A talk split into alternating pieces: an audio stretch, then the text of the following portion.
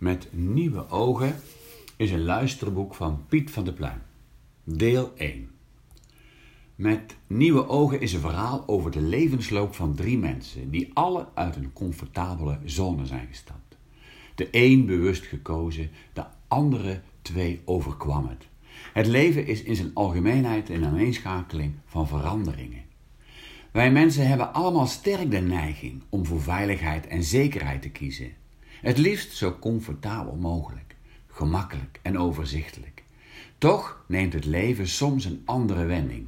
De kunst is dan, hoe gaan we om met veranderende situaties? In hoeverre durven we te luisteren naar onze intuïtie, naar de stem van ons hart, naar het innerlijke verlangen, naar ons diepste gevoel? De titel met nieuwe ogen is zelf gekozen, omdat ik vind dat dit verhaal mij met nieuwe ogen laat kijken naar het leven, naar mezelf.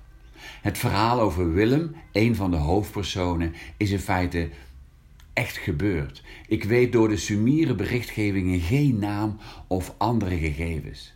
Het verhaal is door de inbreng van de andere hoofdpersonen, Jan en Maria, veel langer geworden, maar dat was de opdracht van mijn intuïtie. Het verhaal is in feite een grote parabel. Een parabel is een kort verhaal, gewoonlijk gesitueerd in het dagelijkse leven, dat dient om een religieus, moreel of filosofisch idee te illustreren. Nou, kort is het niet geworden, het groeide op een natuurlijke manier.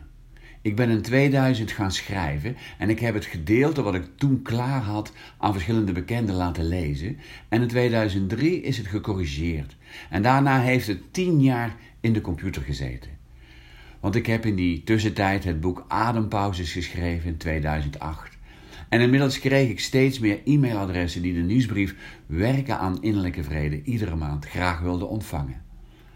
En vanaf 2012 verzorg ik iedere maand een nieuwsbrief. En dan ineens in de zomer van 2013 krijg ik enorm veel zin om opnieuw te gaan schrijven. En ik lees het gedeelte wat ik tien jaar geleden eerder geschreven heb nog eens over. En er ontstaat veel inspiratie om verder te schrijven. Er zit als het ware in mijn visie twee ikken. Het ego-ik met alle deelpersonen, de angstige, de wijze, de criticus, etc. in ons verweven. Daarmee met alle emoties waar zij op reageren en vanuit agreren. Dat is het veranderlijke ik. Het is als het ware ons panzer, die we laag voor laag hebben aangetrokken, ooit uit bescherming van het kwetsbare kind. Wil je hier meer over lezen? De PRI, Past Reality Integration. De kunst van het bewust leven van Ingeborg Bos heeft er ook prachtige boeken over geschreven. Het andere, egoloze ik, is het constante in onszelf. Daar waar de zijnskwaliteit huist. We vangen hier glimpen van op wanneer we ons gelukkig, tevreden en rustig voelen. Totaal aanwezig zijn in onszelf, in het moment. En dan weer vallen we samen met wat ons omgeeft en zitten we weer in onze veranderlijke ego-ik. In onze zoektocht naar innerlijke vrede, naar innerlijke rust, naar volledig leven is het belangrijk het onderscheid te ervaren tussen de twee manieren van aanwezig zijn. Het in beeld krijgen hoe we onszelf hiervan afhouden is een onderneming die vele vruchten afwerpt. Dat beseffen we soms niet omdat bijna niemand zich een leven kan voorstellen zonder dwangimpulsen, zonder gewoontes, patronen, fixaties, obsessies en verslavingen. Maar een leven waarin we handelen met een vrij en onbezwaard hart en ons niet blind staren op het resultaat. En het afstreepje leggen van onze weg is ons ontdoen van nodeloze ballast. We dienen ons wel eerst bewust te worden van wat we met ons meedragen want je hebt beide ikken nodig. De kunst en de uitdaging van het leven is om meer in jouw egoloze ik te komen. Daar gaat het met nieuwe ogen over. En dan komt dat niet kwijt in één personage, maar in drie. Het is deel autobiografisch en deels fictief. En het verhaal begint bij de lagere schoolperiode in de jaren 60. Drie vrienden uit het katholieke West-Brabantse dorpje Hank het dorpje waar ik geboren ben. Een meisje en twee jongens, Maria, Jan en Willy, waren onafscheidelijk als kind. Ze woonden vlak bij elkaar aan een dijk en haalden heel wat kattenkwaad uit in de buurt.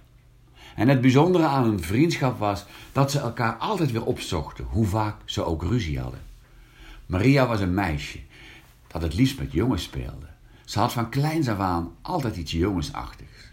Het typische was dat Maria goed kon voetballen.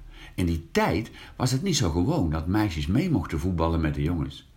Maria was topscorer van het jongenselftal van de plaatselijke voetbalvereniging, waar Jan en Willy ook in speelden. De drie speelden vanaf de kleuterschool samen en ze doorliepen gedrieën de basisschool in het dorp. Willy was de zoon van de dorpslager. Hij was de oudste en hij had een nog jonger zusje. Willy had moeite met zijn vader, die vaak aan het werk was. Hij kon in de ogen van zijn vader niet veel goed doen, terwijl zijn cijfers op school goed waren. Het was een echt modelgezin. De ouders vonden het belangrijk om naar buiten toe de schijn op te houden dat alles goed was. Het gezin ging iedere zondagmorgen trouw naar de kerk en ze waren dan op hun zondags gekleed. Smiddags lag vader in zijn goede pak op de bank te slapen. Maria was de dochter van een metaalbewerker. Ze was de middelste. Boven haar had ze een broer en onder haar nog een klein zusje. Ze had meer moeite met de moeder, die in haar ogen altijd aan het poetsen en zorgen was, en daardoor te weinig tijd voor Maria had. Maria was gek met haar vader. Hij nam de tijd voor de kinderen en zijn grote hobby was voorlezen. Bijna iedere avond bracht vader de kinderen naar bed met een mooi verhaal. Gemiddeld één keer per maand was de vader van Maria dronken. Ze herkende haar lieve vader dan nauwelijks. Jan was de zoon van een timmerman en hij was thuis de jongste van drie broers. Alles stond bij Jan thuis in het teken van het voetbal. Ze speelden allemaal voetbal in het gezin, behalve moeder. Die kwam vaak kijken. Jan had het meeste talent en was de trots van vader. Hij stond al met zijn vijftiende, met zijn grotere broers, in het eerste elftal van de plaatselijke voetbalvereniging. Jan was moeders kind. In feite was Jan een nakomer. Zijn oudere broer was vier jaar ouder. Het leren was voor Jan moeilijker dan voor Willy en Maria. Zo gebeurde het in die tijd dat Jan in de laatste klas van de basisschool aan de linkerkant zat bij degenen die naar het lage beroepsonderwijs gingen. En Willy zat rechts in de klas. Dat waren de studenten die naar de HAVO gingen. En Maria zat midden in de klas. Zij ging naar de MAVO. En tijdens een middelbare schoolperiode in de begin jaren 70 gebeurde er van alles. In die tijd bestonden er nog kapelaans binnen de katholieke kerk. Dit waren een soort hulpriesters in wording. In een dorp was een zeer vooruitstrevende en sympathieke kapelaan. Wekelijks was er in het bondsgebouw, we zouden nu wijkcentrum zeggen, wat gelegen was naast de pastorie, een verhitte discussie over de meest uiteenlopende thema's die spelen als je tiener bent. Vaak kwam de wapenwetloop tussen Rusland en Amerika te sprake. Vaak werd er ook over de vernieuwing in de kerk gesproken. Het anders zijn in je seksualiteit kwam ter sprake. En de kapelaan had een grote invloed op de middelbare schooljeugd in die tijd. En met een gehuurd busje zijn ze zelfs naar Den Haag gereden. En met duizenden andere jongeren hebben ze op het Malieveld gedemonstreerd tegen de wapenwetloop. Ook waren ze van de partij tijdens de grote Vietnam-demonstratie in 1972 in Amsterdam. En in de kerk ontstond vanuit deze beweging een jongerenviering met een heus jongerenkoor, met een drumstel en gitaarbegeleiding. Willy en Jan hadden lang haar en Maria liep altijd in jeans. Er was een van de eerste met een wit geverfde fiets. De witte fiets was in die tijd een symbool van de provo's.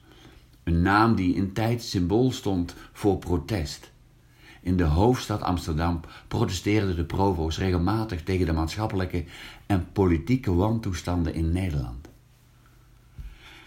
De jeugd in het dorp ging zichzelf met de plaatselijke dorpspolitiek bemoeien. Ze richtten een heuse dorpspartij op, genaamd Keerpunt 70.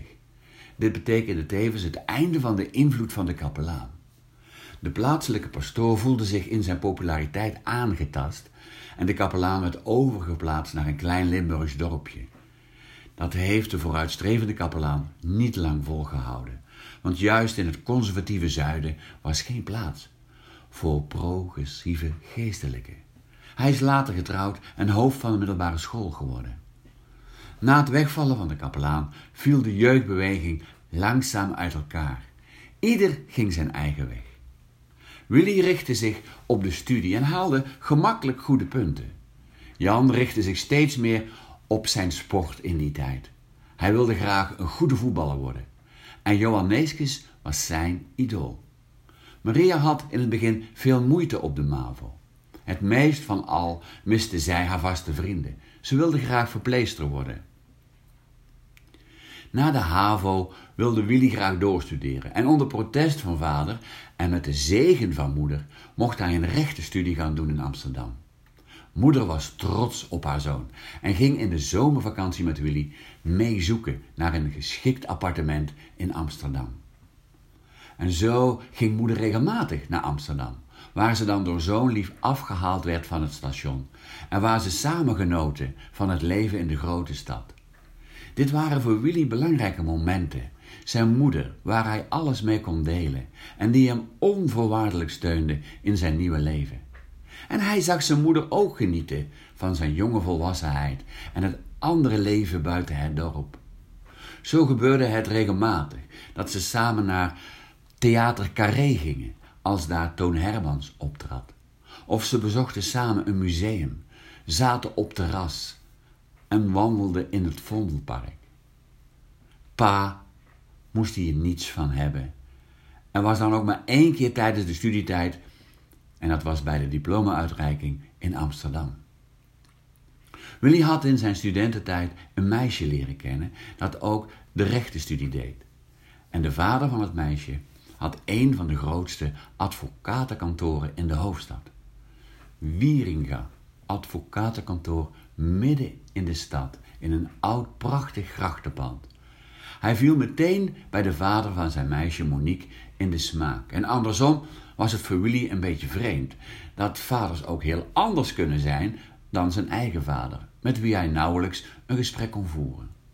Met deze man, Willem genaamd, kon hij uren, en niet alleen over de studie waar de vader van Monique veel interesse had, maar ook over het ondernemen, de politiek, uitgaan. Hij kon overal over praten. En het lag op deze manier voor de hand dat Willy, evenals Monique, stage gingen lopen op het advocatenkantoor van Wieringa. En daardoor werd de band nog beter tussen Willy en Willem. Willem Wieringa twee dochters en Monique was de oudste. Linda de jongste. Maar die moest niets hebben van de advocatuur. En was een van de eerste in het toen hectische en rumoerige Amsterdam die verslaafd was aan de hash. En dat was gewoon in kunstenaarskringen in die tijd. Willem zijn relatie was meer een verstandsrelatie en zijn vrouw ging haar eigen weg in de muziek. Zij was een succesvol zangpedagoge in de klassieke muziek. In Willy zag Willem de zoon die hij graag had gewenst. En zo gebeurde het dat op een dag Willy bij Willem op zijn kantoor moest komen. Willy, je hebt stage gelopen bij ons op het kantoor en nu werk je alweer twee jaar in vaste dienst. En jij bent mijn beste en leergierigste advocaat. Hoe zou je het vinden om met mijn dochter te trouwen? En Willy bloosde en vroeg meteen: Hebt u Monique gesproken? Ja, natuurlijk heb ik dat. En natuurlijk weet ik dat jij de hand van mijn dochter behoort te vragen aan mij. Maar ik wil je graag voor zijn. Waarom? Nou, omdat ik heel erg op je gesteld ben. Hij keek naar buiten om oogcontact met Willy te vermijden. En ik wil je nog iets vragen. Wil je mijn vernoot worden? Willy bloosde nog harder en stamelde: Weet u dat nou wel zeker? Schoonvader, nadrukkelijk. En Willem lachte om zijn gevatte humor en zei: Ik heb wel een voorwaarde. En die is: Vanaf het moment dat jij mijn dochter trouwt. En wij willen graag de bruiloft financieren. dan wil ik dat je mijn naam gaat dragen. Hier schrok Willy van en zei meteen: Ja, maar dat kan niet en dat mag niet. Sorry, ik bedoel mijn voornaam. Willem. Natuurlijk hou je gewoon je achternaam, maar ik zou het op prijs stellen dat er een nieuwe Willem komt. Willem klinkt volwassen en zakelijker en om eerlijk te zijn vind ik het geloof gewoon leuk. Willem en Willem. En zo gebeurde het met Willy, dat hij Willem werd. En dat hij op hele jonge leeftijd al een vooraanstaand advocaat was, die ontzettend veel geld verdiende. Het geluk op financieel gebied lachte hem toe. Jan studeerde af als timmerman en werkte als onderhoudstimmerman bij een grote fabriek in de buurt van het ouderlijk dorp. Hij was actief als amateurvoetballer en speelde vele wedstrijden in die periode. Nog steeds zijn droom achterna jagend om een goede voetballer te worden. Op een dag viel er een uitnodiging bij Jan door de brievenbus. Jan werd uitgenodigd om een proeftraining te komen volgen bij voetbalclub NAC in Breda. En zo gebeurde het dat Jan zijn kunsten mocht laten zien aan trainer Bob Maaskant, nabij het NAC-stadion in de Beatrixstraat in Breda. Hij kreeg een klein contract aangeboden en mocht het komende half jaar twee dagen in de week komen trainen met de selectie van NAC. Jan ging deeltijd werken in de timmerfabriek en werd de voetbalheld van het dorp. Na een aantal maanden mocht Jan invallen bij het eerste elftal omdat er veel blessures waren en zijn eerste wedstrijd in het betaalde voetbal was een groot succes. Hij scoorde het enige winnende doelpunt tegen koploper Ajax en werd op handen gedragen. De maandagochtendkrant stond vol met foto's en superlatieven van een nieuw voetbaltalent en Jan kon het allemaal moeilijk bevatten. Hij kon er s'nachts niet van slapen. Het nadeel van zo'n prachtige droomstart is dat mensen in één keer heel veel van je gaan verwachten. En dan wordt het eigenlijk dubbel zo moeilijk om je te handhaven in het eerste elftal. En zo gebeurde het dat zijn contract van een half jaar niet eens werd verlengd. Iedereen was de mening toegedaan. Het was een eendagsvlieg. Jan had in zijn moeilijke periode een meisje leren kennen, Cora. Zij was het die Jan weer motiveerde om terug te gaan naar de amateurclub. En dat er belangrijkere dingen zijn in het leven dan voetballen alleen. Jan ging uit en samen gingen ze op de brommer overal naartoe. Ze konden heel goed praten met elkaar en al snel voelden ze dat ze hun leven graag samen wilden delen. Jan had twee broers. De oudste was Rini. Hij was in het dorpselftal de aanvoerder en voor Jan een goed voorbeeld. Alex, de broer boven Jan, was een echt feestnummer. Hij hield van rockmuziek, motoren en veel bier drinken. Hij kwam altijd te laat. Hij nam het niet zo nauw met de tijd. Hij droeg ook als eerste thuis lang haar. En hij was de eerste in het dorp met een tatoeage. Qua talent kon, Ajax het best, kon Alex het beste voetballen. Alleen qua karakter kwam hij voor een goede sportman veel te kort. Alex had net zijn motorrijbewijs gehaald en iedereen in het dorp had al een ritje achter op de motor meegemaakt. En toen, toen kwam in één keer onverwacht het vreselijke nieuws dat Alex samen met nog drie andere vrienden een dodelijk ongeluk hadden gekregen met de auto van een vriend. Bij het naar huis rijden in de vroege ochtend van het uitgaan in Breda heeft de vriend van Alex de macht over het stuur verloren en is in een klein meertje of put in de buurt van het dorpje Galder terechtgekomen. Twee inzittenden overleefden de crash. En Alex, de bestuurder en nog een vriend overleden ter plaatse. Heel het dorp stond in rep en roer, want alle inzittenden kwamen uit het dorp. Allerlei inseminaties, aannames, geruchten gingen snel de ronde. De conclusie van de politie na grondig onderzoek was dat de bestuurder gedrogeerd was door cannabis en te veel gedronken en veel te hard gereden had. Daarbij in ogenschouw dat ze met een oude Amerikaanse auto reden die veel te gladde banden had en dat de auto op zijn kop in een meertje terecht was gekomen. De familie van Jan was verdoofd, sprakeloos, geschrokken en intens verdrietig. Zo hard had Jan zijn vader en moeder nog nooit horen huilen. Rini was samen met zijn vader naar de identificatie gegaan van Alex in het ziekenhuis in Breda. Alex was 22 jaar oud. Het waren dagen waarin ze geleefd werden. Alex was de enige die thuis opgebouwd lag. De anderen lagen in een mortuarium. De vader van Jan nam contact op met de andere ouders. En samen met de pastorale werkster werd afgesproken voor een gezamenlijke dienst in de plaatselijke kerk. De vriend van Alex die gereden had, was niet katholiek, maar dat was geen issue. Er stonden twee kisten voor in de kerk, bedolven onder een zee van bloemen. De kerk zat bomvol en Jan had nog nooit zoveel verdriet bij elkaar gezien als op dat moment. En samen met Cora had hij een kort gedicht gemaakt voor Alex en voorgedragen. Er werd rockmuziek gedraaid. Er werden herinneringen opgehaald. Er werd gehuild.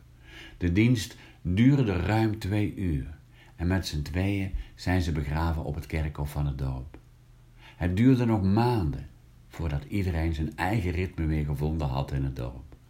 Het wonen in een dorp heeft zijn beperkingen, maar zeker in deze situatie ook enorm zijn bekoringen.